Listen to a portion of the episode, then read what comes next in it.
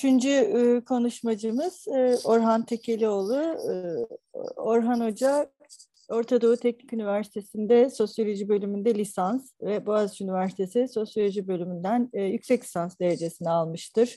Norveç Oslo Üniversitesi Sosyoloji Bölümü ve ODTÜ Sosyoloji Bölümünde doktorasını tamamlamıştır. 1991 yılında Bilkent Üniversitesi Siyaset Bilimi Bölümünde akademisyenlik hayatına başlayan hocamız 2000-2001 yıllarında öğretim üyesi değişim programı çerçevesinde Amerika'da Ohio State Üniversitesi'nde misafir öğretim üyesi olarak çalışmıştır. 2003 yılında doçent, 2008 yılında ise profesörlük ünvanını almıştır. İzmir Ekonomi Üniversitesi İletişim Fakültesi'nde kurucu dekan olarak 2003 yılında göreve başlayan hocamız aynı fakültede Halkla İlişkiler ve Reklamcılık Bölüm Başkanı olarak da görev yapmıştır. 2008 yılında Bahçeşehir Üniversitesi İletişim Fakültesi'nde e, çalışmış ve gazetecilik bölüm başkanı olarak e, görev yapmıştır. Kendisi şu anda Bilkent Üniversitesi'nde e, ders vermeye devam ediyor. Şiir ve yazıları, Yasko Felsefe, Üç Çiçek, Varlık, Gösteri, Şiir Atı, Ekspres, Toplum ve Bilim, Toplum Bilim, Doğu Batı, İstanbul, Defter ve Çalıntı gibi dergilerin yanı sıra Türk, e, yurt dışında yayınlanan Turkish Studies, Theory and Philosophy, Middle Eastern Studies gibi dergilerde yayınlanmıştır. Uluslararası Transactions ve Türk, Do Türk e, D'Europe ve e, Türk Dayıyor adlı kitaplarda bölüm yazarlığı yapmıştır. 1998-99 yıllarında gazete pazarda gündelik sosyal olgulardan hareketle yazdığı e, yazılar önemlidir. Bir süre aynı zamanda Radikal Gazetesi'nde de e, kültür sosyolojisi alanında yazılar yazmıştır. 1987 yılında yayınladığı Opusculum Kum Baladı adlı şiir kitabıyla edebiyat çevresinde e, oldukça e, duyulmuş ve ses getirmiştir. 1988'de Tablolar, 2004'te de Boşluklar adlı e, şiir kitapları e, yayınlanmıştır. E, hocamız Türkiye Kültür ve Edebiyat Tarihi, Popüler Kültür Tarihi başta olmak üzere medya kültürleri, kültür siyasetleri ve müzik tarihi alanında çalışmaktadır. Bu konular çerçevesinde Türkiye'de ve yurt dışında yayınlanmış çok sayıda e, yayını bulunmaktadır. 1999'da yazdığı Michel ve Sosyolojisi, Medya ve Beğeni Kültürlerini inceleyen Pop Yazılar adlı deneme kitabı da 2006'da yayınlanmıştır. Ahmet Öncü ile birlikte hazırladığı Şerif Mardin'e Armağan isimli kitap 2005 yılında yayınlanmıştır ve hocanın e, medya kültürüne e, ilişkin e, yazıları, gazete ve dergilerde analizleri e, bulunmaktadır. Bugün kendisi bizimle imkansızlığın imkanları ya da kanonik heterotopyalar adlı konuşmasıyla e, birlikte. Buyurun hocam. Teşekkür ederim. Ee, ben kendimi tanıyamadım. Bu kadar şey anlatıyorum ama e, iki yıldır emekli olan e, sadece part time olarak Koç ve Bilkent'te ders veren biriyim. E, onu söyleyeyim.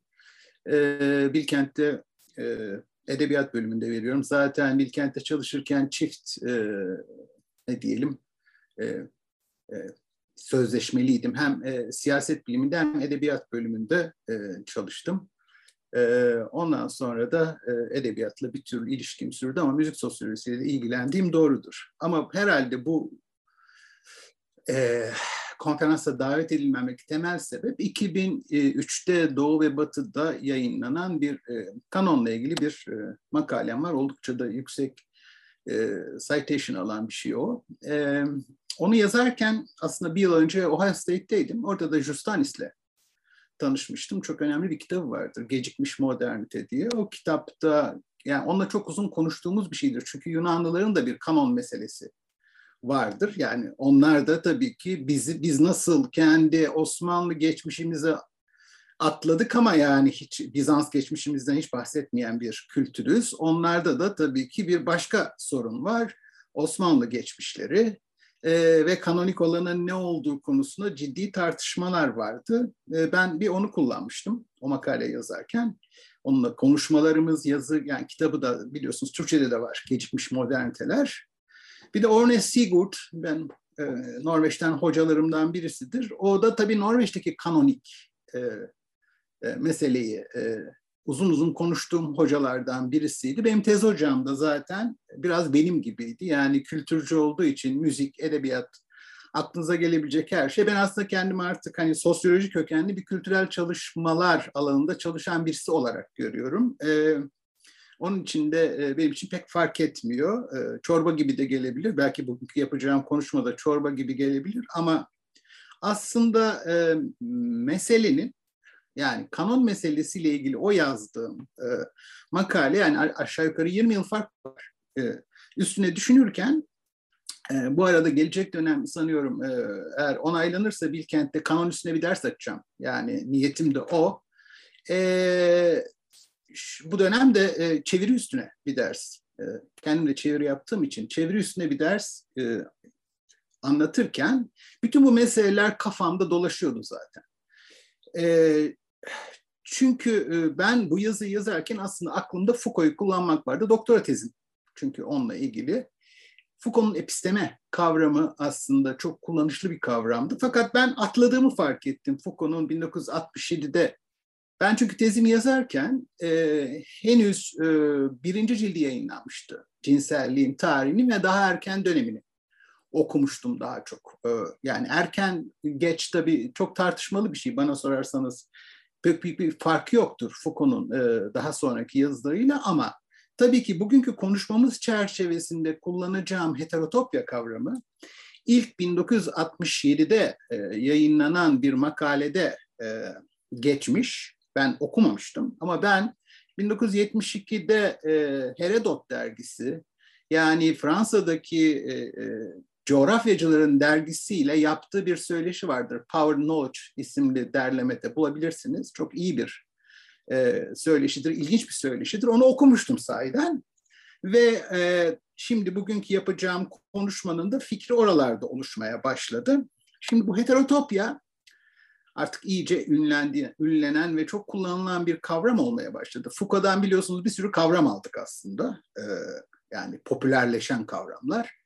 Ee, tabii iktidar ama biliyorsunuz iktidarı o e, iktidar ilişkileri olarak tanımlamamız gereken bir şekilde e, kullandı. Hiçbir zaman bir sahibiyet üstünden konuşmamıştı.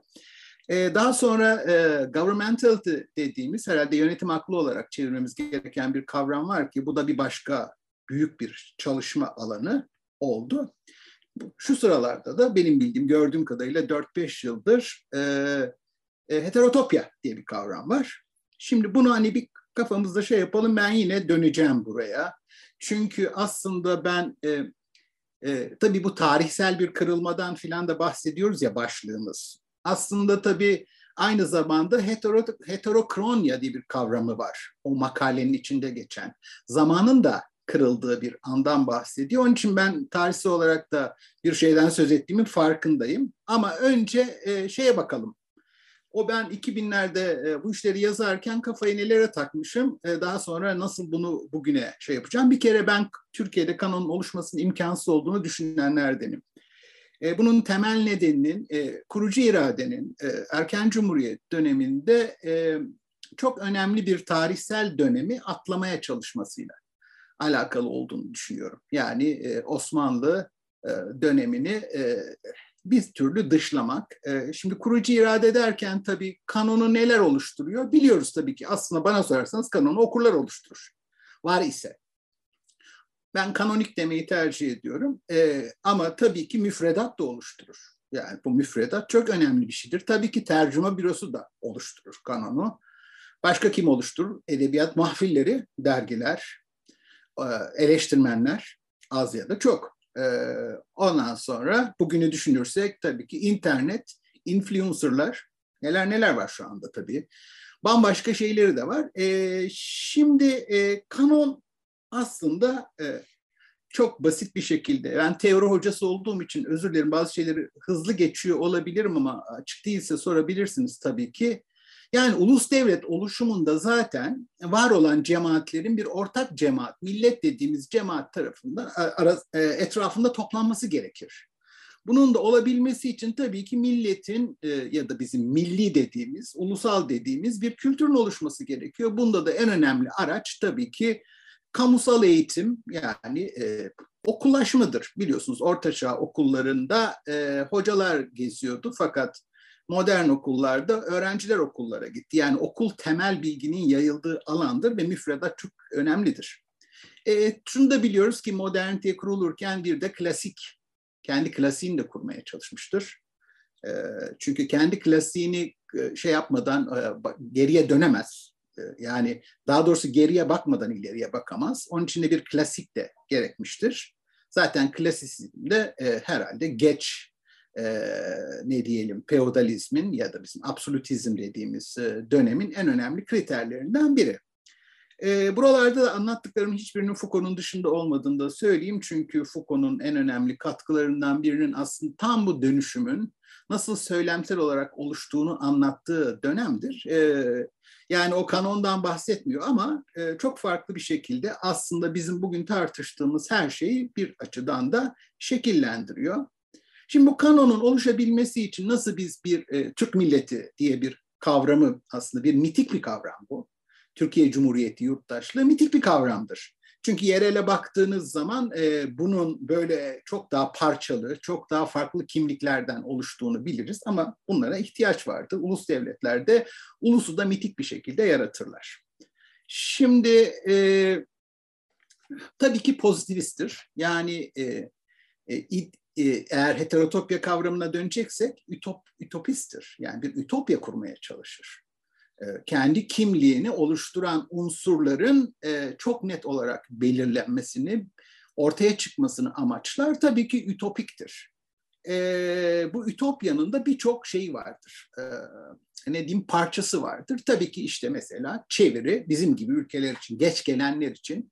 Çünkü gecikmiş moderniteyi yaşayan iki ulusu ben örnek vermiştim o makalede. Birisi Norveç'tir, birisi Türkiye'dir.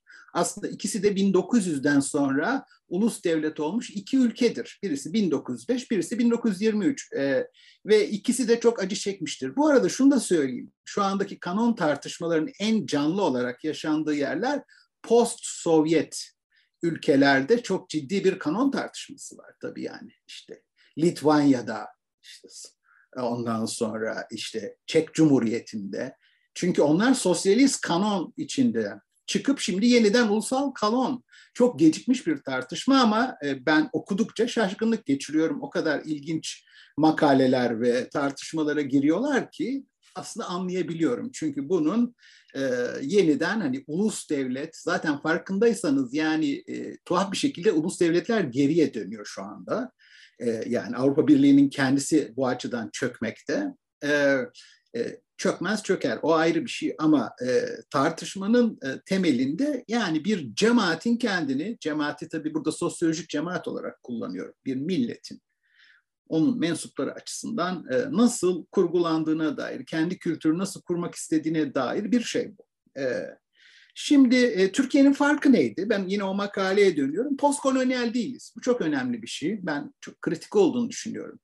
Yani sömür çünkü bu kuramlara baktığımız zaman e, genel olarak bir postkolonyal yani sömürge sonrası döneme işaret eden kuramlarla karşılaşıyoruz. Bu çok anlaşılır. Yani işte Hintlilerin ya da Hint edebiyatının bu kadar iyi tanınması ya da işte ne bileyim e, bazı hani uzak edebiyatlar, değil mi? Bengaldeş'ten bahsedildi işte. Yani bütün bunlar post kolonyal e, ajansların da e, aracı olduğu şeyler. Yani e, aynı şeyi müzik için de söyle, söyleyebiliriz değil mi? Yani mesela Türkiye'de çok canlı bir müzik ortamı var fakat Türk müzikleri, müzisyenleri çok iyi tanınmıyor. E çünkü onu biz kendi pazarımızda tüketiyoruz ama dışarıda bunu pazarlayacak bir postkolonyal geçmişimiz yok. Afrika müzikleri bildiğiniz gibi diller gibi şey yapıyor.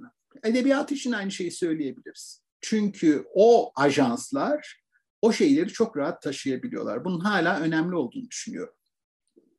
E tabii bir de Batı konusunda bitmez tükenmez bir kafa karışıklığı içindeyiz. Yani düşman mıyız, dost muyuz? Aslında Cumhuriyet'in kuruluşuna itibaren böyledir. Çünkü anti-emperyalisttir Cumhuriyet. Ama aynı zamanda o anti-emperyalist e, şeyi, kültürü benimsemek de ister. Ee, ve e, çeşitli siyasal dönemlere göre gitmeli gelmeli bir durum da vardır. Yani gideriz, geliriz, gideriz, geliriz. Yani şu anda düşman e, gibi görünüyor. E, dostlar, düşmanlar sürekli yer değiştirir ama aslında kanonun oluşumunda bunlar da çok önemli şeylerdir. Çünkü çeviri çok önemli bir parçası bunun.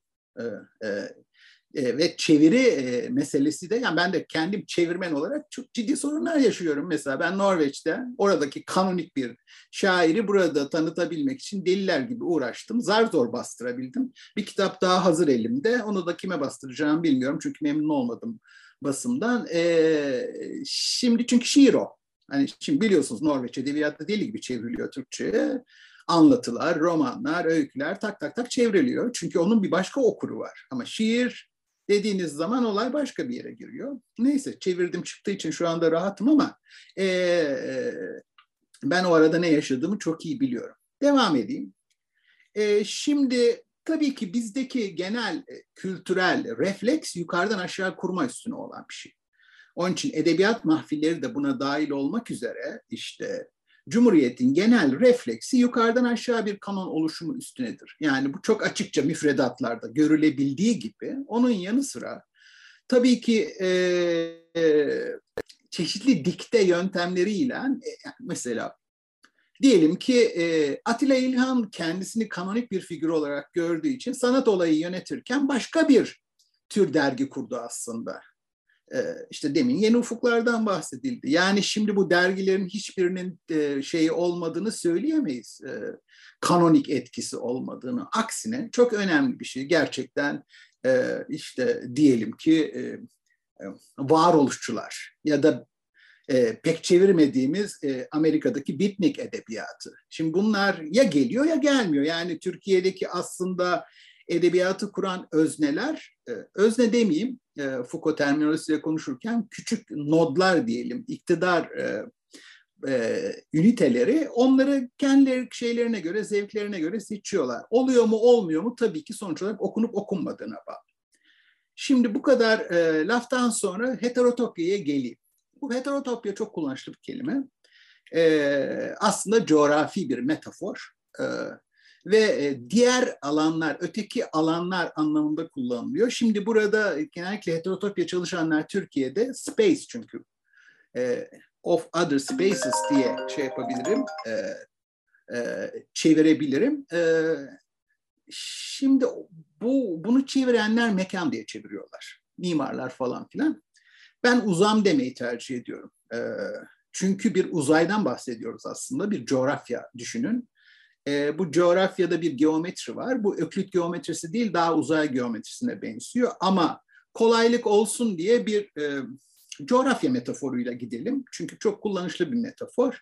Bu metaforda vadiler var, platolar var, dağlar var, tepeler var. Aslında bizim kanon diye gördüğümüz kendi e, zihin şemamızda gördüğümüz bir kültür şeması. O kültür şemasını coğrafi olarak düşünelim. Foucault bunu çok yaptı zaten. Foucault'daki birçok terminoloji o Herodot dergisinden bahsettiğim de söylemiştim. Coğrafyadan alınan terimlerle doldur. Mesela power regime der. İktidar rejiminden bahseder. Bu bir aslında ırmağın akışındaki debi gibidir. Bir e, şey gibi değildir. E, rejim derken orada aynen ırmağın akışındaki artış, yoğunluk, e, derinlik işte neyse hızla ilgili bir kavramdır. O kadar çoktur ki böyle kavram şaşkınlık geçirirsiniz bir süre sonra. Gerçekten hani neredeyse e, işte e, işte araziden bahseder, ondan sonra e, deployment diye bir konuşlandırmadan bahseder. Biraz askeri terminoloji de vardır. Gerçekten de askeridir aslında. Hani Machiavelli'den bir etkilendiği ortada olduğu için. Aslında e, burada biz bir e, hani komutanın gördüğü bir araziden bahsediyoruz. Çünkü çok çatışmalı bir alan. Kanon böyle bir alan. Kanonik ta- tartışmalar e, çok tartışmalı e, yani çatışmalı bir alana da işaret ediyor. Ama ben şimdi tekrar e, kavrama dönersem şimdi e, şöyle terimler var Foucault'da. Pozisyon yani konum, yerleştirme, alan e, iki kere geçiyor. Bir de arazi çünkü Türkçe'de biz biraz farklı kullanıyoruz. E, ondan sonra saha, toprak, territory yani o anlamda. Ufuk, jeopolitik bölge, hatta takım adadan bahseder Foucault. Takım adayı da Solzhenitsyn'in e, yani bu Discipline and Punish dediğimiz e, hapishanenin tarihinde bahsettiği e, Sovyetlerdeki o muhalifleri bastırıp onları dağıttıkları bir hapishaneler sistemi vardır. Ona takım ada der. Aslında takım ada da çok kullanışlı bir terminoloji. Çünkü bizim kanonik diye gördüğümüz şeylerde büyük, küçük bir sürü adacık var. Bu adacıkları bir araya getiren aslında tamamen mental bir şema. Ve bu şemanın sonunda gördüğümüzde bir e, nasıl söyleyeyim bir takım ada. Yani Türkiye kanunu bana sorarsanız bir takım ada, bir sürü irili ufaklı adadan oluşan ama sonuç olarak da bir coğrafi bölgeye işaret eden bir şey. E, ondan sonra gelelim bu e, e, ben tabii ki şunu yapıyorum, e, şunu açıkça söyleyeyim. Foucault buna çok taraftardı. Foucault'un, Foucault kendisi birçok teoriden birçok şey alırken ona soranlara şunu derdi. Benim teorik anlayışım bir toolkit, bir alet kutusu anlayışıdır. Yani ben kavramları çeşitli teorilerden alabilirim. Bunları o anlamda kullanmam. Hatta Archaeology of Knowledge kitabını bilirsiniz yani ünlü Bilgin Arkeolojisi kitabını. Onu İngilizceye Archaeology of Knowledge diye çevirmelerine rağmen Foucault çok net olarak söyler ki o, o kitap aslında bir bilgi arkeolojisidir. Bilginin arkeolojisi değildir. Benim de şu anda kullandığım terminolojiyi alıyorum. Ben kanon çalışmalarında kullanıyorum. Ha, insanların işine yarar yaramaz onu bilmiyorum ama e, heterotopya ile çok rahatlıkla e, çalışılabileceğini e, söylüyorum, söylemeye çalışıyorum aslında. Ve e, buradan da tabii bu Bilkent şeyine de geçeyim. Yani e, biz Bilkent'te aslında çok çok farklı disiplinlerden öğrencileri toplayarak aslında Türk edebiyatına işte böyle parçalı bilgilerle gelenlerle nasıl bir şey olabileceğini göstermeye çalışmıştık. Talat Alman'ın fikri buydu. İşte yanlış bir fikir olduğunu düşünmüyorum. Çünkü ortada o kadar çok mezunumuz var ki akademide, akademi dışında yani e, ben de şu anda ders verirken öğrencilerin aynı kafada olduğunu görüyorum çok sevinerek. Bu da beni çok mutlu ediyor. Çünkü ancak bunu başka türlü e, halletmek çok zor. Normal Türk edebiyatı bölümlerinde biliyorsunuz dilcilik vardır. Ha bu arada unutmadan şunu da söyleyeyim ben o makalede bunu özellikle belirtmiştim. Türkiye'de birçok inkılap yapılmasına rağmen edebiyat inkılabı yapılmamıştır. Neden edebiyat inkılabı yapılmamıştır? Çünkü dil inkılabı yapılmıştır. Yani e, dil inkılabı bir açıdan e, bir anlayış olarak edebiyat inkılabını içerdiği varsayılmıştır. Zaten bizde de bitmez tükenmez ayrıca bir öz Türkçecilik, hececilik gibi onun e, yan ya da alttan alta sürdürdüğü uzantılar vardır. Şimdi tekrar dönüyorum bu heterotopya kavramını. Heterotopya kavramını anlamak için aslında kafamızda Döloz'den ödünç alabileceğimiz bir e, kök modeli var. Sapkök diye biz çeviriyoruz buna rizom. Ee, biliyorsunuz Foucault ile Deleuze arasındaki ilişkiler oldukça iyidir ve e, birbirlerinin şeylerini, kavramlarını direkt kullanmasalar da ben kullanabilirim. Çünkü saçak kök diye biz bunu çeviriyoruz. Yani şunu söylemeye çalışıyorum.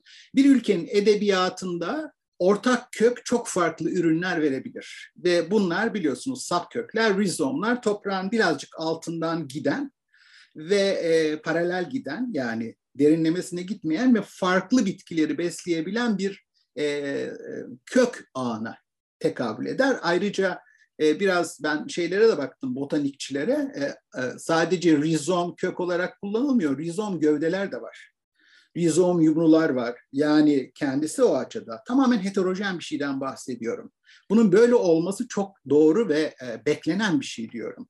Yani bir ortaklaşıcılık, işte bir e, homojenleşmenin tam tersine heterojen, parçalı, yıkılan, e, yeniden kurulan bir şeyden bahsediyorum. Şimdi e, bunu gelelim öbür kavramlarla birleştirmeye. Bu kavramları şimdilik e, kısa geçiyorum. Eğer soru sorulursa iyice açıklayacağım. Bir yönetim aklı var demin bahsetmiştim. Governmentality. Bir de technologies of self yani kendilik teknolojileri. Aslında biz bunları yukarıdan aşağı bir tür yönetim aklıyla mesela kanon oluşumunu anlarken tabii okurun ne yaptığına da bakmak e, zorundayız. Yani okur kitle, işte okur e, kamusu çok güzeldi bence bu tarifi Tanıl Bora'nın. E, o kamuda aslında e, bir e, kendine göre onu alıyor, alımlıyor ve bence kurucu olan aslında okurlardır her zaman kanunu. Zaten bugün de bir sürü insan anlayamadığı o listeler meselesi de böyle bir şey. Yani e, yani Spotify kullanınca sana bir müzikte zevkine göre bir liste, liste nasıl oluyorsa aslında edebiyat okuru da e, bunu yapıyor. Ayrıca edebiyatın kanonunu kuran sadece kanonu kanon içi olanlar değildir. Aksine kanonun dışında ya da bizim Foucault terminolojisiyle dış söylemler de çok etkilidir. İşte bunu farkındıyoruz. Yani işte bu mesela diziler bir tür tefrika e, romanın yerini aldı şu anda. Yapısal olarak aldı. Ve e, zaten filmler dizileşmeye başladı. 1, 2, 3, 4, 5 diye yapılmaya başladı. E, zaten e, edebiyatla e, sinema, tiyatro ilişkisi her zaman vardı. Bunu e, dışsallayamayız. Ayrıca bu heterotopyaya örnek olarak Foucault mesela tiyatroyu verir. Sinemayı verir. Ne açıdan verir? Siz oraya girdiğiniz zaman yani bir okursunuz siz. Okur bir romanı okumaya başladığı zaman aslında yaşadığı bir tiyatroya gitmekten, bir sinemaya gitmekten farklı değildir. Ne anlamda? Heterotopyanın orijinal anlamını düşünelim öteki mekanlar, öteki uzamlar. Siz öyle bir uzama girersiniz ki kendi uzamınızla, orada başka uzamlarla karşılaş, karşılaşıp onunla beraber bir yaşama geçicidir bu ama o anda onu yaşamaya başlarsınız. Yani onu benimsersiniz, benimsemezsiniz, o karanlığı tercih edersiniz değil mi? Şimdi sinema ile televizyon arasındaki en önemli fark olur. Birisinde karanlıkta seyredersiniz, birinde ışıklı ortamda seyredersiniz.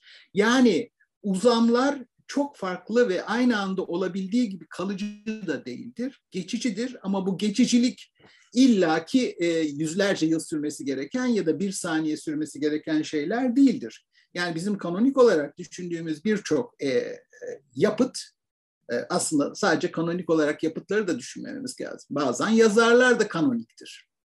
Yani Ece kanonik bir yazardır. Bir yapıtıyla biz onu sınırlayamayız. Ama bazı yapıtlar e, kanoniktir tabii ki. E, bazı dergiler kanoniktir. Yani değil mi? Bir mahfilin bak kendi başına kanoniktir. Yani ben o coğrafya metaforuna dönersem bizim bunlara böyle bakmamız gerektiği, nasıl çalıştığını görmemiz gerektiği, sakin sulara bakmamız, e, ondan sonra şeylere bakmamız gerektiğini düşünüyorum. Ne kadar zamanım var ona göre bir e, Seval Hocam. Son beş dakikanız hocam. Öyle mi? Son beş dakika, evet. Tamam, daha önce bitiririm zaten. Ee, şöyle devam edeyim.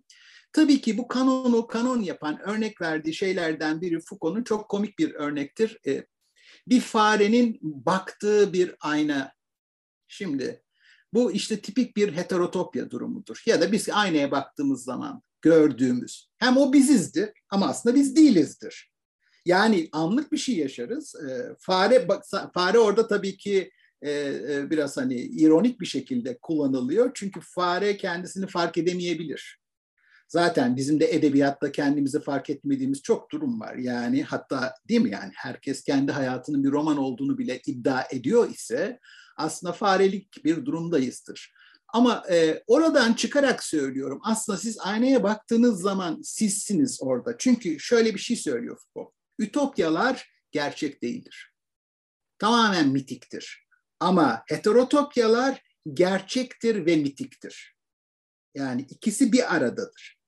Ee, onun içinde yani mesela biriniz bir arkadaşınızla karşılaşabilirsiniz cebinde çocukluk resmini taşıyordur. Çünkü o çocukluk resminde olduğunu düşünüyordur. Zaten Türkiye'de çoğu insan ergenlikten ileriye de gidemediği için yani ergenlik haliyle e, yaşlılığını yaşayan o kadar çok arkadaşım var ki e, ama tabii ki o mitik olan da o aslında. Yani kendi mitolojiniz içindesiniz. E, edebiyat da öyle bir şey. Şimdi birinci yeni üstüne müthiş bir mitoloji var. Ama Erhan Altan gelip öyle güzel bir kitap yazıyor ki birinci yeni diye bizim e, gördüğümüz şeyin bambaşka da okunabileceği ortaya çıkıyor. Zaten ben bu konuşmayı da bir şeyler yazılsın, böyle bir eleştirel perspektif gelişsin diye yapıyorum. Yoksa e, şeyde değilim yani e, ya da işte ikinci yeniye illa Ece'ni tıkıştırmak zorundasın. Ya belki de değil orada. Orada olmak zorunda olduğunu niye biz e, şey yapmak zorundayız? Yani o çünkü homojenleştirmek daha kolay geliyor. Bana sorarsanız Ece Ayhan, onun devamı olan İzzet Yasar'dır işte Mustafa Irgat. Bunlar bambaşka küçücük bir adadırlar ama adadırlar. O takım adalarda belki yakındırlar e, ikinci yeni ama farklıdırlar. Yani söylemeye çalıştığım böyle bir şey. Şimdi gelelim mesela Galileo neyi değiştirdi? Bizim a, a, bu Foucault'dan şu anda yeniden heterotopyasına döndüm. e, yani dünyanın döndüğünü anlattığı zaman aslında bütün coğrafyayı ve uzay anlayışımızı düş, değiştirdi. Yani demek ki bazı edebiyatlar buraya devam edersek bir şeyleri değiştirdiği için, bir şeyleri başlattığı için oluyor. Mesela Foucault bu anlamda e, Don Quixote'dan bahseder. Çünkü Don Quixote aslında öyle bir metindir ki orta çağdaki şövalyelerin şövalyeliğin bittiğini bize işaret eder. O nedenle devrimci bir metindir. Tamamen ters yüz eder. Birdenbire biz metni okuduğumuz zaman anlarız ki işte bizde onun karşılığı ne oluyor? Ne ait o film? Hani e,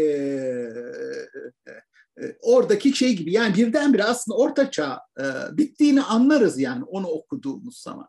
Çünkü e, bir anlamı kalmamıştır. Yani e, sadece bir Sancho Pancho'su vardır. Başka da bir şeysi yoktur. Ama hala o, o şeyi devam eder. O davranış kalıbı yani herkese karşı savaşabilir. Demek ki metinlerle biz e, ilişki kurarken o metinlerin neyi değiştirdiğini, neyi kırdığına bakmak zorundayız. Yani gerçekten mesela Ece Ayhan öyle bir şiir yazmıştır ki daha birinci kitabını okuduğunuz an tamamen kırmıştır o şey. Yani bir buna Foucault event diyor. Yani olay, olaylaştırma, olayın başlaması aslında bizim kanonik olarak düşündüğümüz her türlü metin ya da bir dergi ya da bir başka yani o benim power note dediğimiz o küçük iktidar şeyleri kırdığı için, bir şey yeniden başladığı için kanonlaştırıyor. Onun için ben başta bir kavram söylemiştim. Şu anda dönebileceğimi düşünüyorum. Heterokronya da vardır. Yani nasıl başka başka uzamlar var ama bunlar birbiriyle ilişkili ve ancak biz bunları birbiriyle ilişkisi içinde anlayabiliyoruz. Aynen bir coğrafyadaki gibi zamansallık da öyle bir şeydir. Edebiyattaki zamansallık bu kanonik yapıtlar açısından bir şeyi kırdıkları için öyledirler. Ama o kırdığı an neyi kırdığıyla ilişkili olduğu için kırılmayanlarla biz ancak onun neyi kırıldığını anlarız. Yani e, oradaki zamansallık e, hiçbir şekilde kopmayan bir şeydir. E, yani zaten Foucault kırılmalara bakar. Duran anlara bakar ve e, e, direnişe bakar. Yani mantığımızı tamamen hani homojenleştirmeden çıktığımız gibi heterojenleştiğimiz anda da Oradaki çatışmalı alanlara bakmamız gerekiyor, kırılanlara bakmamız gerekiyor, değişilen değişenlere bakmamız gerekiyor, olaylara, eventlere bakmamız gerekiyor ve bütün bunlar aslında kendisi sürekli dönüşen bir şey. Yani yine bir ödünç kavram alacağım. Ee, bu sefer yine Deleuze'den e, bu olmakta olandır. Yani becoming dediğimiz bir oluştur. Varoluş falan demiyorum. Olmakta olan ya da oluştur. Sürekli oluşur bu. Yani aslında böyle baktığımız zaman bizim kanon diye düşündüğümüz coğrafya, ben mental şema demeyi tercih ediyorum. Landscape yerine mentalscape.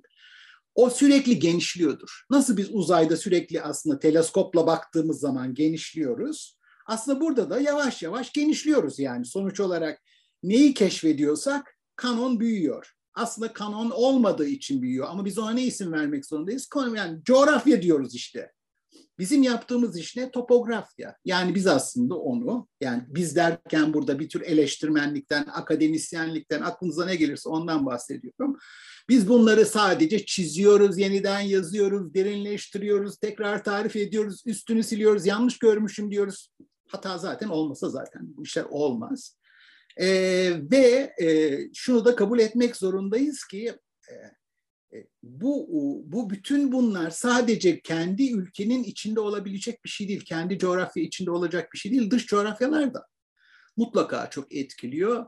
Ee, yani bence Türkiye'de çeviri çok önemli bir aracı kanonlaşmanın. Başka türlü hiçbir şekilde çalışmadı bu. Ee, şiir için birazcık da yani şiir geleneği Osmanlı'dan iyi kötü bir türlü taşındığını düşünüyorum en azından işte Yahya Kemal'imiz var, işte Behçet Necati Gil var falan ama roman için falan yani gerçekten çok zor. Hani dış dışı görmeden. Ve e, geçenlerde ders için kullanıyordum. E, Metis çeviride, e, Can Yücel'le yapılan bir çeviride çok gırgır bir şey söylüyordu ve bence çok e, güzel, kanonik bir şeydi. Her Boydan diye bir çeviri kitabı vardır Can Yücel'in. Bir sürü şiir çevirmiştir bilirsiniz. Ve onun çevirileri de ayrı bir meseledir ama araya kendi şiirlerimi e, sıkıştırdım kimse fark etmedi diyor.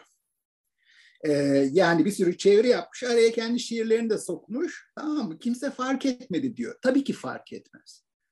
Çünkü çevirmen Can Yücel onun habitusuyla çevriliyor e, ve neyse şimdi bana toparlanma şeyi de gelmiş. Ben şimdi durayım e, biraz e, fazla şey söylediğimi de e, farkındayım ama e, umarım e, bu ne diyelim e, beyin fırtınası olan şey, e, biraz kafa karıştıran şey işe yaramıştır. E, çok teşekkür ederim dinlediğiniz için. Biz çok teşekkür ederiz hocam. Şimdi üç konuşmamı ya da baktığımızda aslında kanonu yeni perspektifler, kanona akraba olabilecek kavramlar ve kanonun aktörleri üzerinde üç konuşmacımızın da durduğunu görüyoruz. Şimdi tabii bu biraz tarihsel bir süreç de var. Her birinizin de bahsettiği gibi. Mesela işte en son Orhan Hoca, Hoca'nın söylediğini düşünüyorum. Şinasi de ilk şiir çevirilerini kendisi de aradan kendi dizelerini ekleyerek yapıyor mesela. Yani bu çeviriyi tanıştırma sürecinde bir kendisini de bir yani dahil etmek olaya bu baştan beri de olan bir şey. Bir de bütün bu konuşmalarda şeyi de düşündüm. biraz bu Benjamin'in tarih kavramını, onun takım yıldızlarını ve hem ulusal edebiyatlar hem de bu ulusal edebiyatları oluşturmanın mitik yönü ve bir takım hem bir taraftan bunların imkansızlığı da e, biraz tabii hem yine sizlerin de bahsettiği yeni aktörlerle birlikte e, yeni şeyler düşünmek işte yine tekniğin olanaklarıyla yeniden ürete, üretilebildiği çağda sanat yapıtı ya da işte kapitalizmin yükselişinde direkt bir şair Charles Baudelaire e, bütün bu tarihselleştirme e, sürecinde sanat yapıtı, edebi yapıt, e, edebi eser üretiminin ve üretim koşullarındaki e, ilişkilerin e, yeniden aslında her seferinde düşünülmesini de getiriyor. Yine hepinizin söylediği gibi bütün bu ortaklık herhalde konuşmalarda yine bir kırılma ya da işte diyelim belki bir vakıa diyebileceğimiz hem vakit hem de vuku da içinde barındırabilecek şekilde. E, şimdi ben bir e, bakıyorum soru Neslihan Can Göz'den bir, e, bir şey var. New York Times son 125 yılın en iyi kitabını okuyucuların oylarıyla seçiyor bugünlerde. Kanonik eserlerin oluşmasında bu tür seçmeler, listeler önemli galiba diyor. Evet, ne diyorsunuz? Bu seçmeler aslında dergilerin, gazetelerin e, ve listelerin öneminden hep bahsedildi sanırım. Evet, önemli. Bilmiyorum, bir şeyler eklemek ister misiniz sizler, hocalarım? Ben bir şey sorabilir miyim üçünüze de? Yani 21. yüzyılda işte Deleuze'den bahsetti Orhan Hoca, işte rizomlardan, e, heterotopya kavramından, işte e, Kayahan Hoca ikinci sınıf edebiyatçıların e, kanan oluşturmada aslında daha işlevsel olduğundan, e, Turgay Hoca da kült eser biraz daha çağdaş ve değişebilir bir şey aslında bu zamansallığı barındırdığından, klasik eserin biraz daha zamanı aşan bir boyutu olduğundan ve kanonla ilişkisinden bahsetti. E, peki bütün bu aktörler yani e, kanon oluşturan aktörlere baktığımızda bu edebi kamuda e, yeni e, yönelimler içerisinde özellikle teknolojinin, sosyal medyanın, işte bir takım sosyal medya fenomenlerinin e, özellikle G kuşağını mesela daha kısa yazan, daha böyle bu aforizmaları tersine çeviren, biraz daha böyle bizim klasik diye kabul ettiğimiz şeylerle bir alay eden hani e, bir tavrı da var. Bugünden baktığınızda bunları nasıl değerlendiriyorsunuz? Bu yeni aktörlerle ilgili. Bunu sorabilir miyim size? Hepinize. Yani kimden başlarsa. Kim başlamak ister? Orhan Hocam buyurun isterseniz. Kayan Hoca bir söz alır gibi oldu da onun için ben durdum. Ha, pardon görmedim hocam. Eğer şey ben, ben şu e, e, bir küçük mesaj yazan hanımefendi için bir şeyler söylemeye niyetlenmiştim. Ya, buyurun hocam, pardon. Bir metnin e, diğerleri yerine öne çıkarak seçilmesinin sebebi önemli. Yani bizde zaten oluşmuş bir şey olmalı ki bir metin üzerinde ittifak edip e, onu diğerlerinin önüne koyabilmeliyiz. E, burada bizde oluşan şeyin adı da belki kanon. Yani bir kanonik eseri biz seçtiğimiz için kanon olmuyor. Ona kanonik değiş sebebimiz bizim seçimlerimiz değil. Belki e, bu cins popüler seçimler e, Turgay Hoca'nın kült dediği eserlere vardırır bizi. Yani ben e, kültü Turgay Hoca gibi görmüyorum. E, çünkü orada bir e, popülerlik seziyorum.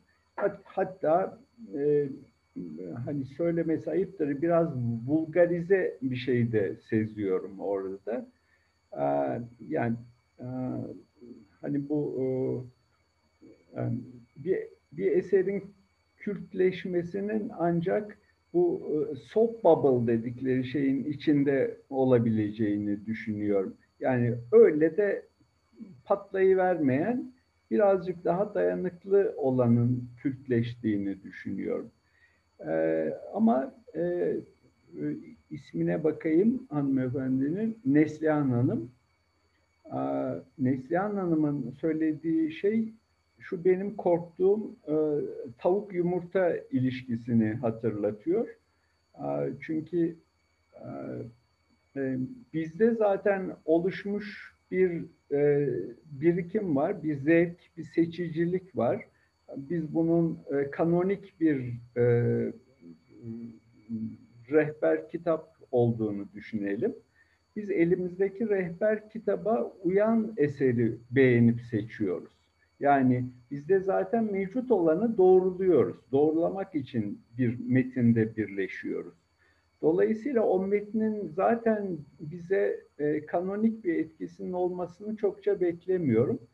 E, çünkü o eser kanonlarla seçiliyor. E, tavuk yumurta burada işte. Onu söyleyecektim. E, yani aslında tartışılabilecek çok zevkli şeyler çıkabilecek bir e, soru hoş bir soru değil mi? Evet kesinlikle yani listeler e, mesela şimdi de yapıyor mesela bazı yani dergiler her yıl sonunda yayınlıyorlar ya da son 40 yılın son 100 yılın işte kült mü diyeceğiz artık önemli eserleri mi diyeceğiz o tür listelerde yapılıyor. Evet Turgay Hocam, Orhan Hocam sizlerin eklemek istediğim? Valla ben bu liste meselesine tekrar döneceğim ama yani dijitale de cevap vermek istiyorum aslında. Liste bu biliyorsunuz bir e, neydi bizim o derginin Notos'un yaptığı bir e, şair şeyi vardı. E, işte en iyi e, şair, hem de şey değil mi yabancı şairlerdi orada. Bir sürü Türk şairi çıktı. Şimdi aslında ben hani sosyolog olarak müthiş bir gözlem olduğunu düşünüyorum. Yani dünyada olmayan, e, kimsenin bilmediği şiir, şiir, şiirleri kendi o milliyetçi reflekslerimizle koyduk o listeye. E, oraya e, orada çok da az okunduğu da anlaşılıyor aslında yabancı şairlerin isim yani name dropping dediğimiz hani isim bağlamında biliyorlar ama doğrusu okuduklarını pek düşünmüyorum benim yanılgım olsun o. Fakat yani gerçekten ben de o listeye bir hazırlık yapmıştım. Ee, ben işte tabii zorlandım. 100 tane falan istiyorlar. 40-50 tane yabancı şey yaptım. Durdum yani daha fazla hani 3-5 tane de Türk şairini ekledim. Ben bu kadar yazabiliyorum dedim. Ama anladığım kadarıyla oraya da yani yüzü dolduran doldurana olmuş. Ama işte bu da şeyi gösteriyor aslında. Ne kadar e, kanon içi kaldığımızı e, ve kanonu ne kadar başka reflekslerle okumaya çalıştığımızı gösteriyor. Gelelim dijitale. Bence artık esas kanonu kıran, yani post kanonik duruma getiren bu dijital e, e, ortam. Çünkü e, artık globalleşme tam anlamıyla çalışıyor. Bir de bunun üstüne e, yarı legal ya da tamamen meşru olmayan şeyler başlayınca e, benden gelmedi. yok hocam sorun yok lütfen devam edin. Ha, e, şimdi mesela bir sürü kitap şey indirmek kolay değil mi? E, deliler gibi aslında isterseniz canınız istiyorsa okuyabilirsiniz. Yani aslında erişilmez olduğunu düşündüğümüz birçok metne erişmeye de başladık. E, yani aslında okur kamusunun e, çok daha güçlendiği ama onların e, çok daha az e, edebiyat e, donanımına sahip, hani biraz Bourdieu'vari söylersem kültürel kapitali düşük, kültürel sermayesi düşük işte fenomenler, influencerlar tarafından yönlendirildiği çok ciddi bir okur kamusu nasıl söyleyeyim heterotopyası da oluşmakta. Yani orada da çok ciddi kırılmalar oluyor. E, bu iyi midir, kötü müdür bilmiyorum. Ama e, ben dijital dergileri çok önemsiyorum gerçekten. Yani basılı e, dergiciler e, kızmasın ama yani e, dijitalde de yani orada o kadar ilginç şeyler çıkıyor ki. Yani dijital ortamlar çok daha önemli ve daha da önemi artacağı çok açık. E, belki oralara paralı girilmeli, başka tür korumalar yapılmalı ama olmakta olan bu. E, yani artık basılıdan e, dijitale ve e, anlatılarda da görsele doğru kaydığımız ortada. Görsel anlatılar da edebi anlatılarda temel olmak üzere olacaktır 3-5 yıl içinde. Yani artık e, senaryo yazarları aslında bir tür romancı gibi tefrikalar yazacaklar. Ayrıca çok sıra dışı e, dizilerin de olacağına eminim. Yani e, çok daha kült öyle söyleyeyim. Çok daha e, derinlikli. Nitekim öyle şeyler de var. Yani ben seviyorum birkaç Fransız dizisini.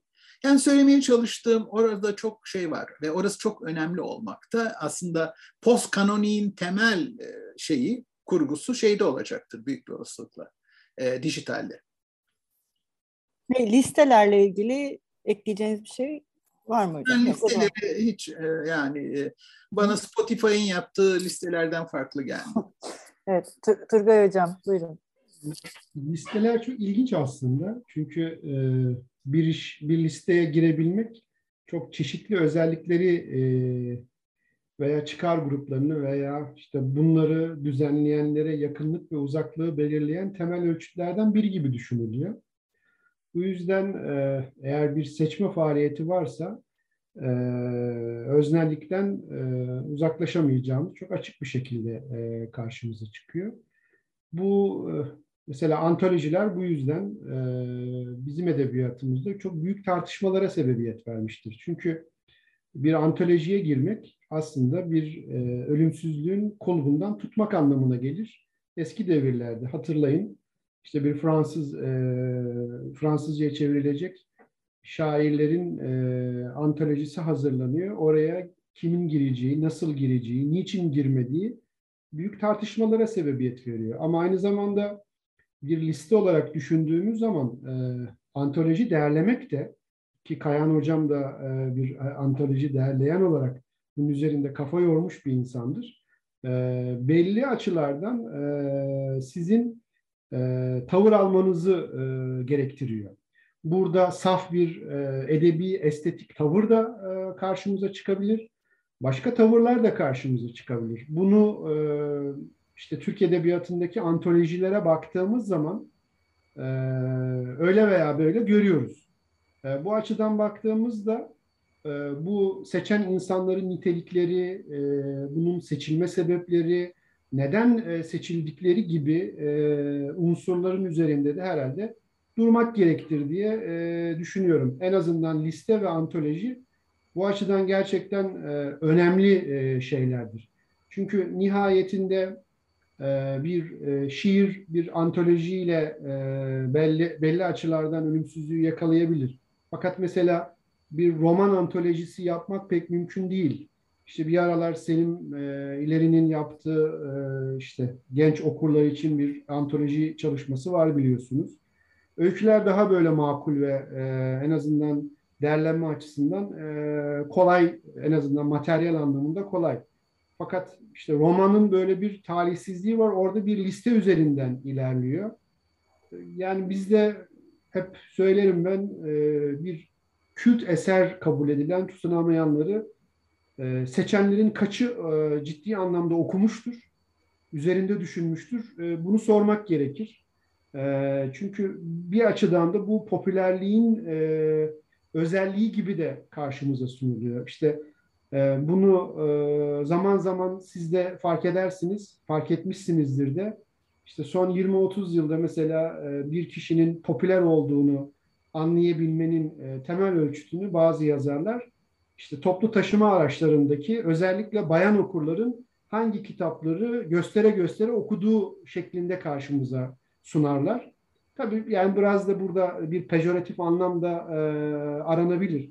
Fakat herhalde burada seçme ve bu seçilen eserlerin niteliği e, ilginçtir. Ben e, burada herhalde şu açıkta kalmasın diye birkaç şeyde e, bir e, counter e, kanon diyebileceğim, bir karşı kanon dediğimiz veya diyebileceğimiz bir biçimlenişten de bahsetmek isterim.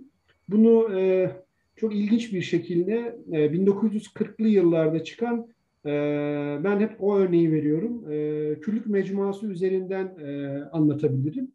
Çünkü e, Orhan hocamızın da söylediği gibi aslında e, Cumhuriyet e, bir e, travmatik model değişimi dediğimiz bir model değişimine e, kendini e, açtığı için veya bazı şeyleri arındırmak istediği için e, bir parantez açıyor e, Husserl'in de yaptığı gibi. O parantezin e, içindekileri e, görmeden başka bir köke doğru e, yöneliyor. Fakat bu yönelişin özellikle real politikte yani bu establishment dediğimiz edebiyat kamusu diyelim veya edeb edebiyatı oluşturan, yapan, yaratan insanların nezdindeki karşılıkları çok farklı olabiliyor.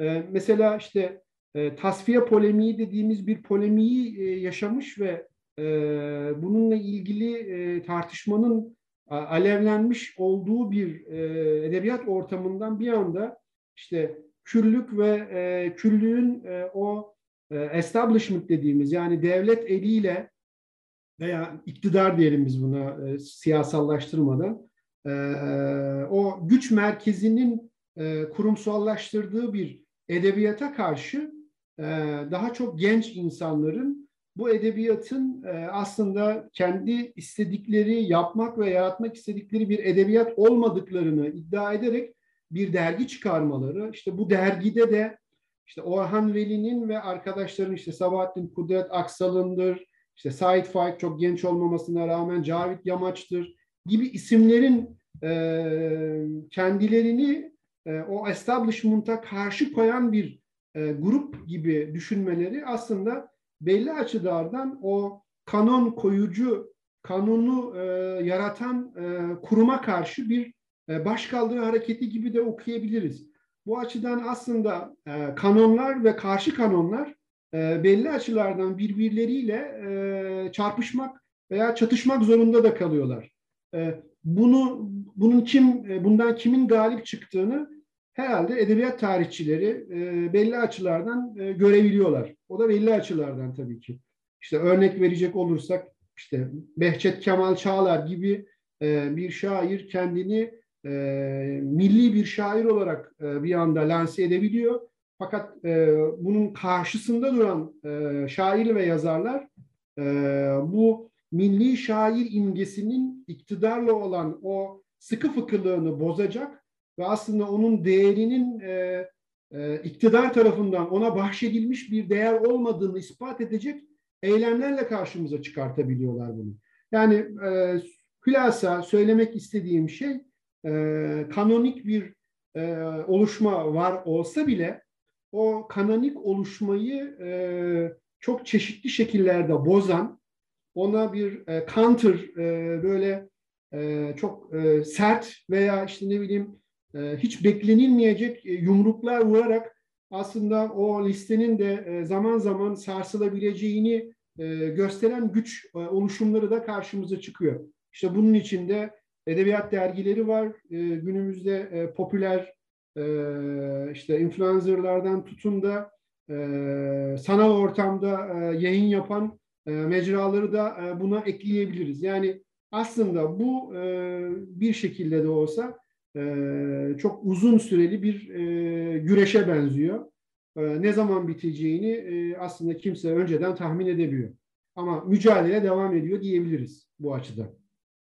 Evet, e, mesela sizin konuşmanız da benim aklıma son dönemde çıkan işte bu tartışmaları da içinde barındıran Tuncay Birkan'ın Dünya ile devlet arasında evet. Türk muharriri mesela bütün bu aktörlerin edebi kamuda nasıl güç ilişkilerini barındırdı ve orada anketlere de özel bir yer veriyor. Siz küllükten bahsettiniz. Ben de kendi deneyimimizden bahsedeyim. Bizimki de biliyorsunuz sanal bir platform, sanat kritik. Biz 1930'larda çok yaygın olan bir anketi bugün yapabilir miyiz diye düşünmüştük ve Naci Sadullah'ın bir anketini 30'lu yıllarda yaptığı en beğendiğiniz şair ve şiirleri, en beğendiğiniz romancı ve eserleri, en beğendiğiniz hikayeci ve eserleri anketini yeniden e, gündeme getirdik.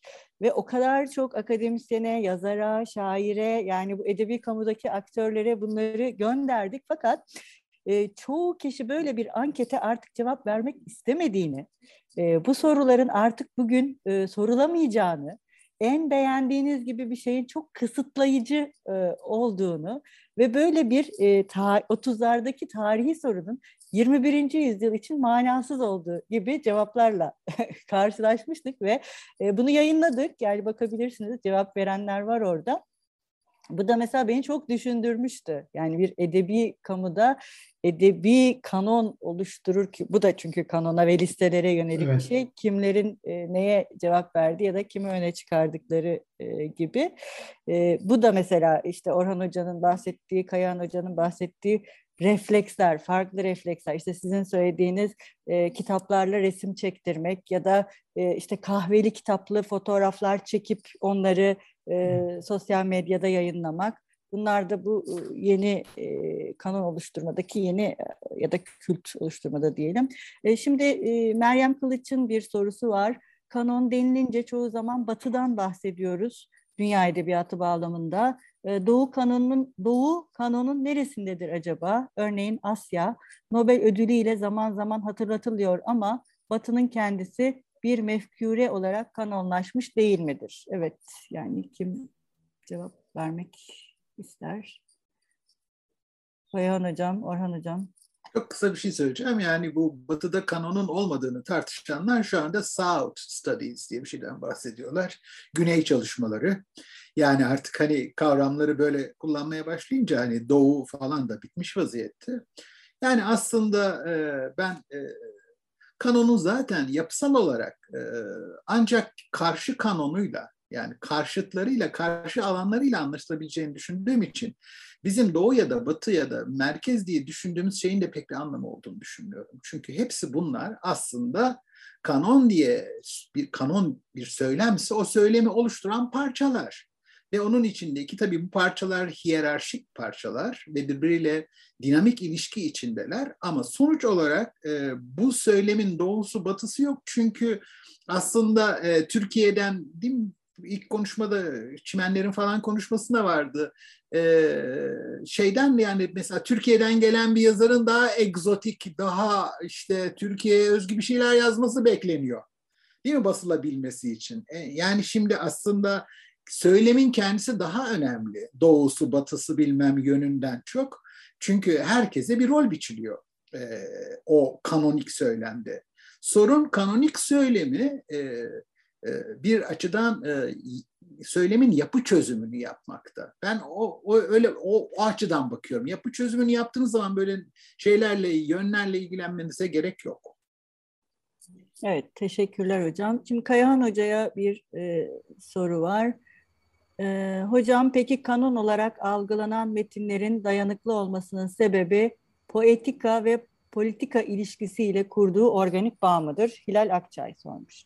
Ha, şu deminki e, mesele yüzünden sordu galiba. Verdiğim tez yüzünden sordu.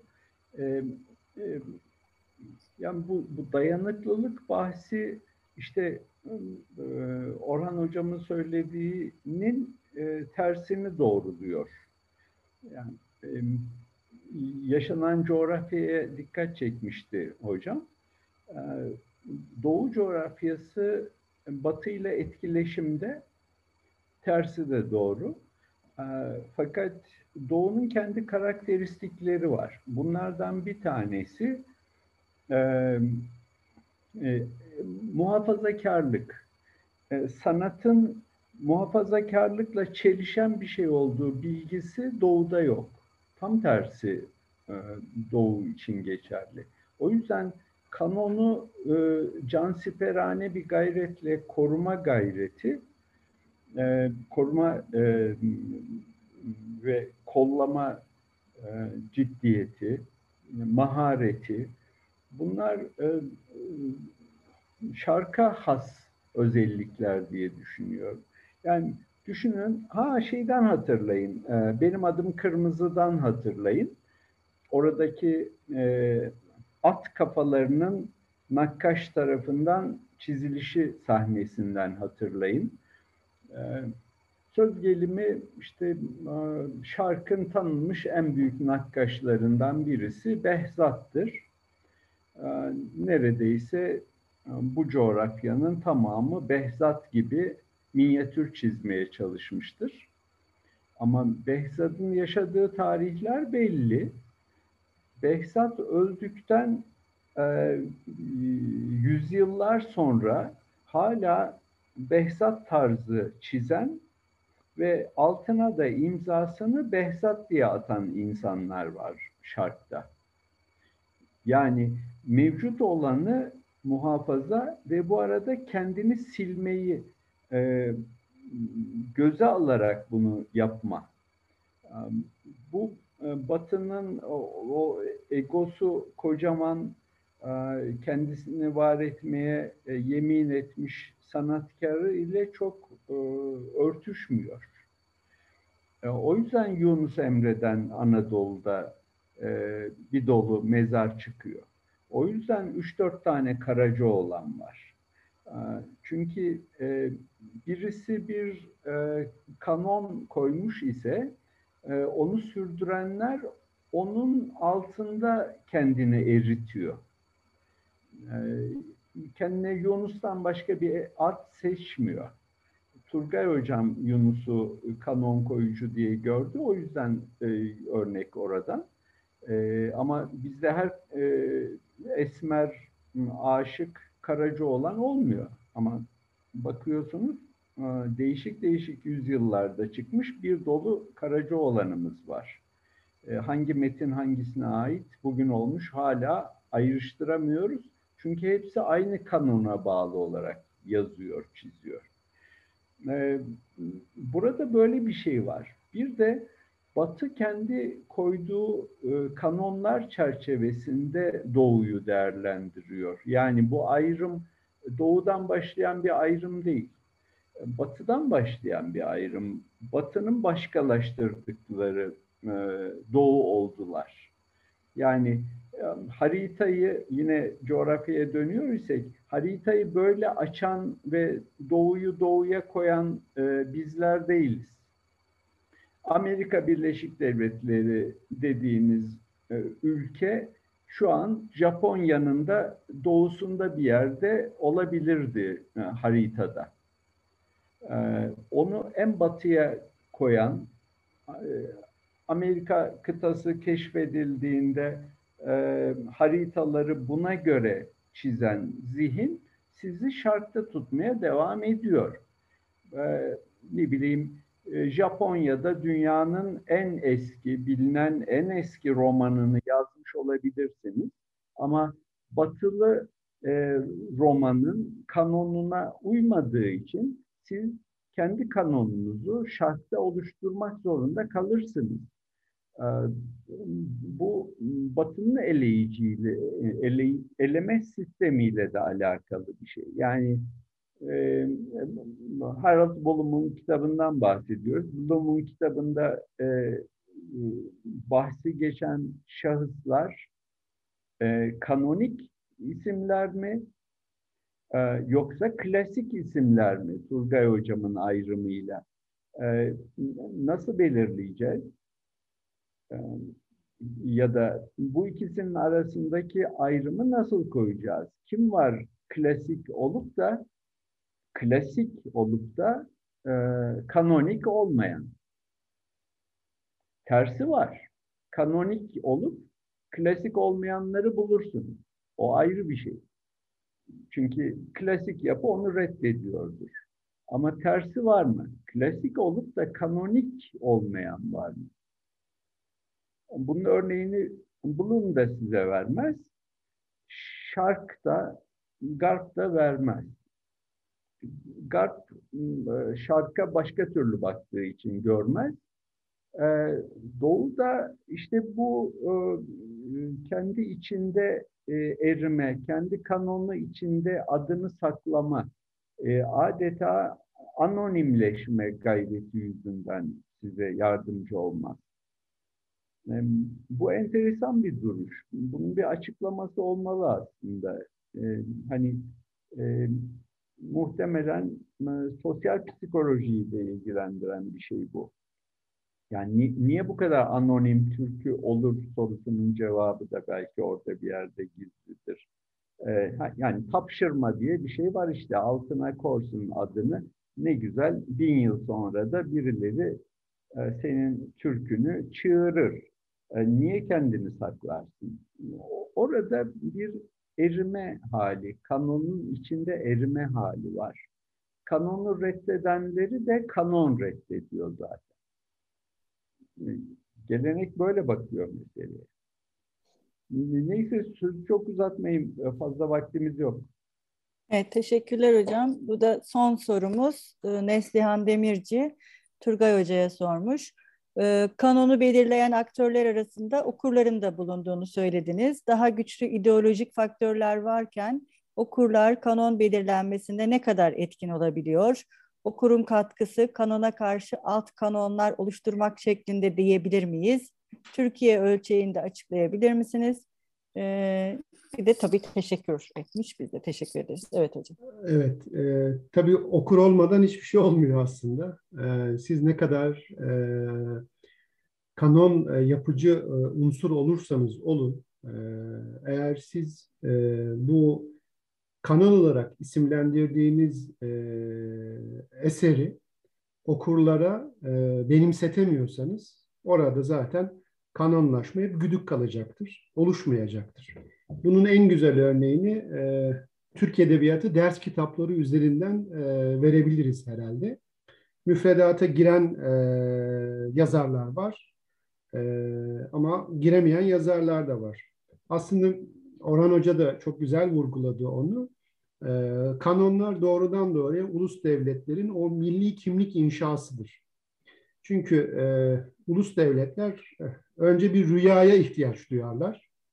E, bu rüyayı bize e, en güzel e, benimsetecek e, yerde devletin okullarıdır. Yani müfredatta karşımıza çıkan yazarlardır.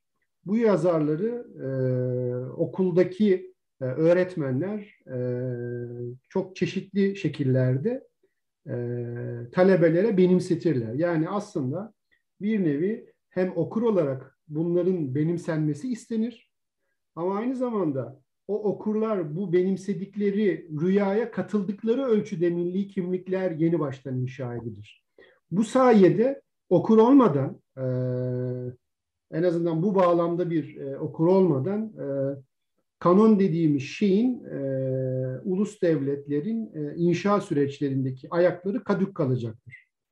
E, devletin haricindeki e, okurluktan e, eğer bahsedecek olursak da yine okura ihtiyaç duymak zorundayız. Çünkü nihayetinde e, bir eserin okur tarafından kabul edilmesi gerekir. Daha doğrusu okur bu eserdeki edebi, estetik, insani değerlerin farkına varması gerekir ki buna değer atfetsin. Eğer böyle bir e, değer atfedilmezse bu türden e, metinler e, kanun seviyesine yükseltilemezler. Bunlar e, işte mesela bir e, rapor okuyan okur e, imgesini düşünelim çok böyle herhalde affedersiniz keçi boynuzu yemek gibi bir şeydir e, rapor okumak. Tatsız tutsuz bir şey. Siz bunu okuduğunuz andan itibaren okuma biçiminizle bile onu kanon seviyesine yükseltemezsiniz istediğiniz kadar. Yani hem e, metin burada çok değerlidir, önemlidir ama aynı zamanda o metni algılayacak, alımlayacak, ondan e, kendine mahsus yeni bir sanatsal evren inşa edecek okurluk da önemlidir. Okur bu sayede o eserin e, değerine vakıf olur. Onu diğer eserlerden ayırır. Diğer eserlerden ayırırken de zaman zaman en, şey, kendine mahsus şahsi sebeplerle ayırır. Ama zaman zaman da başka insanların da kendisi gibi ayırdığı bu eserlerle ortaklaşarak, onunla benimseyerek, hatta biraz da böyle özdeşleşerek e, bir seçilmiş eserler ve yazarlar listesine kendisini de dahil eder. Bu açıdan herhalde e, kanonik bir e, metni okumak ya veya bir kanon e, kanonik yazarı okumak belli açılardan o, o okurdaki e, o sanatsal evrenin çakışmasına da imkan tanıdığı için e, anlamlı veya değerli kabul edilir. Mesela bir e, propaganda metnini düşünelim bu anlamda. Hmm, bir propaganda metni e, belli şartlar içinde edebiyat dışıdır. Çünkü nihayetinde orada kastedilen şey bir edebi estetik haz alma e, yeterliliği üzerinden e, sunum değildir. Çünkü ar- arka tarafında çok daha başka bir propagandist gaye vardır. Okur bunu fark ettiği andan itibaren zaten o e, kendisine sunulan pro- propaganda metninin niçin kanan olamayacağını anlar diye düşünüyorum. Bu yüzden e, okur olmadan yani ister bir sıradan okuma biçimiyle gündelik gazete okuyan okuru düşünelim. Veya bir profesyonel okur olarak e, işte edebi e, metinleri okuyan bir okur olarak düşünelim. E, onların varlığı olmadan kanon dediğimiz şeyin e, aydınlatılabilmesi mümkün değildir. Zaten buna hitap edildiği için de e, kanonik eser e, belli açılardan bu propagandist metinleri parçalayan e, bir e, seçilmiş eser e, şeklinde isimlendirilebilir. Tabii bunun dışında da işte e, başka türden e, listeleri oluşturur okur kendi zihninde. Fakat herhalde kanonla eşleşen tarafı e, bana kalırsa bu okurun okuma biçiminde aslında gizlidir diyebiliriz. Evet, yani mesela okuma grupları da çok yaygınlaştı evet. son dönemde. Onları da görüyoruz. İşte sosyal mecralarda bir araya, sosyal medya mecralarında bir araya geliyorlar. Şimdi başka sorular ve tebrikler var ama artık e, süremizin sonuna geldik. E, bitirmek durumundayız. Çok teşekkür ediyoruz her birinize e, bu güzel konuşmalar ve tartışmalar için. Son oturumumuz 15.25'te başlayacak. Son oturumumuzda görüşmek üzere. Hoşçakalın. Çok teşekkürler.